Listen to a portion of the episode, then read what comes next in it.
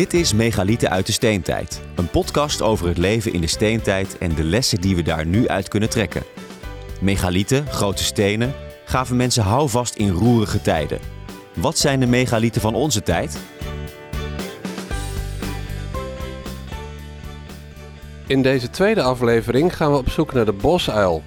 Maken we een plaket van lijsteen, bezoeken we een rotsgraf en zijn we bij een begrafenis. Uilen en foto's blijken veel met elkaar gemeen te hebben. Het is 6 uur in de morgen. Ik loop hier door het donkere bos. In de verte raast de snelweg, maar hier is het stil. Geen mens in de omgeving, denk ik. Ik hoor een ree hier langs schieten. Maar sinds ik een grote hond heb, mijn hond durf ik hier zelfs midden in de nacht te lopen. Straks komt de zon op. Dan gaan de vogels fluiten en dan zie je de dieren wat beter. Ik zag een keer een wolf, maar in de nacht vliegen hier de uilen. Zo af en toe hoor je er een, maar meestal zijn ze stil. Geluidloos vliegen ze tussen de bomen door op zoek naar voedsel.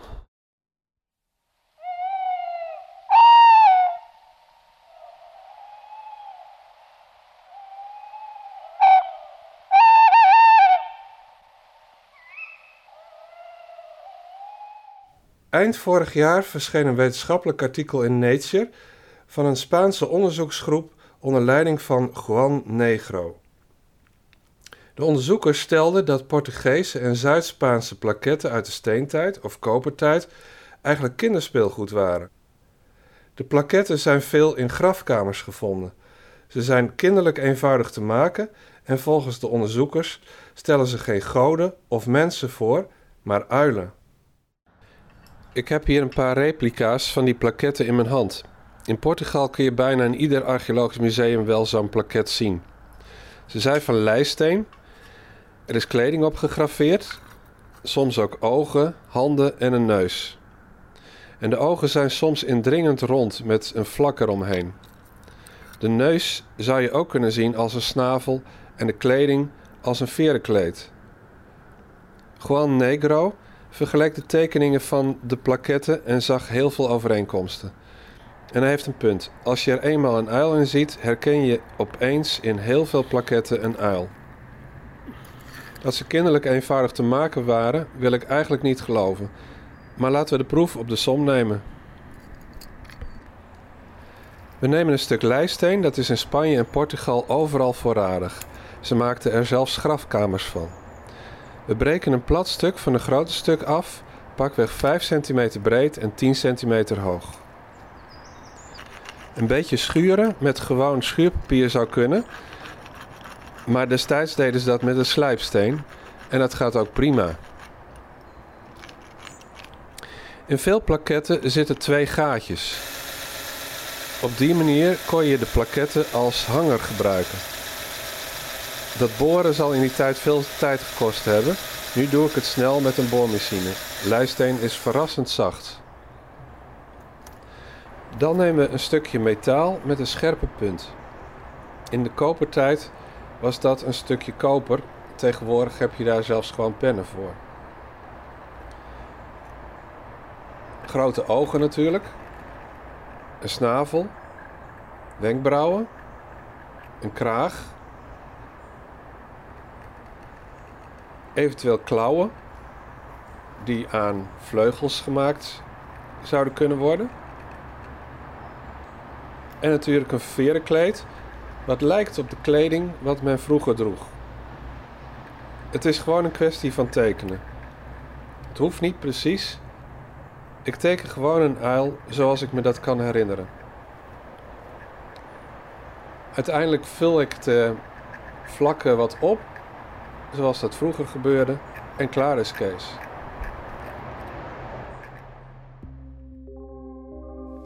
De Spaanse onderzoeksgroep heeft wel gelijk. Een uilenplaquette is gemakkelijk gemaakt.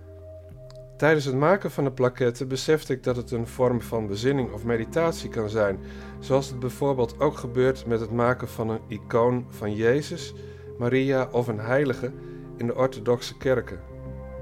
De icoon zorgt dan voor een verbinding met het goddelijke. Het maken van een plaquette kon zo voor geestelijke verbinding zorgen met een dierbare die overleden is. Ik dacht terug aan een eerder bezoek aan een rotsgraf op Sardinië. Daar in de wand van een grafkamer was ook een figuur uitgeslepen. Ik zit hier in een rotsgraf in Sardinië. Een kamer die uitgehakt is in de rotsen. Dus een, ehm, waar vroeger een dode is ehm, gelegd. En daarachter daar zie je een um, gravure die in de rots is uitgehakt. Waarschijnlijk, ofwel het is voor, voor een belangrijk persoon geweest, of het is veel later aangebracht. Niemand die precies weet. Je kunt het niet heel goed zien. Als je binnenkomt, dan moet je echt zoeken. Maar als je het licht van de zijkant erop laat vallen, dan um, kun je het al beter zien. Probeer het een beetje. Het is nu precies midden in het beeld. Een soort pilaar met twee um, lussen eraan. Er zouden ook twee ogen kunnen zijn. Dus het is een behoorlijke, behoorlijke ruimte met een pilaar in het midden. En verschillende nissen om mensen in te begraven. Nou, dan gaan we naar de uitgang. Die zit hier. kruipen we even naar buiten. Het is een, eh, doorgang van 40 bij 50 centimeter. Pas ik net doorheen. Maar dan ook net.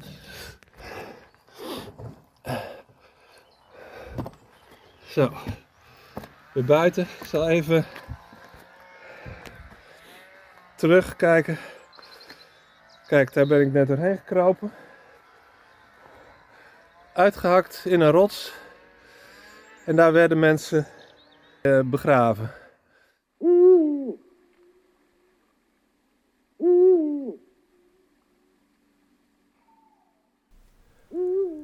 Dat geeft te denken. In de figuur zou je ook twee ogen, twee wenkbrauwen en een snavel kunnen zien.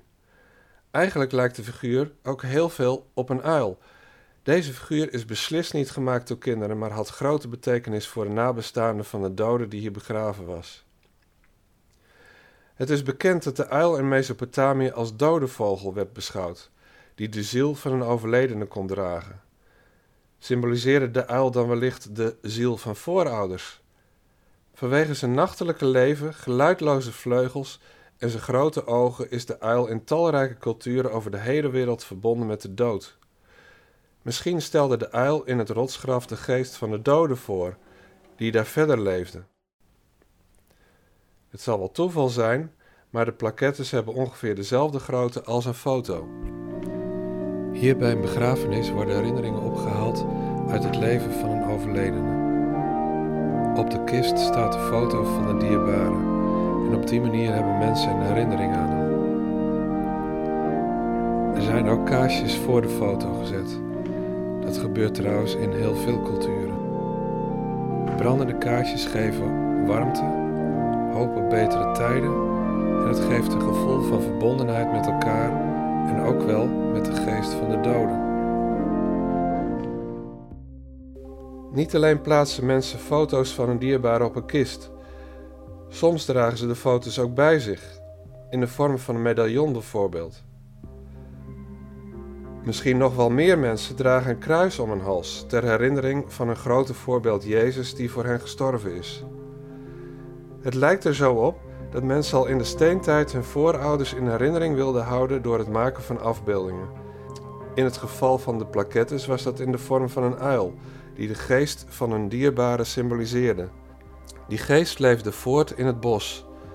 Zo kon men altijd terugkomen naar het graf om met de overledene te praten en om raad te vragen.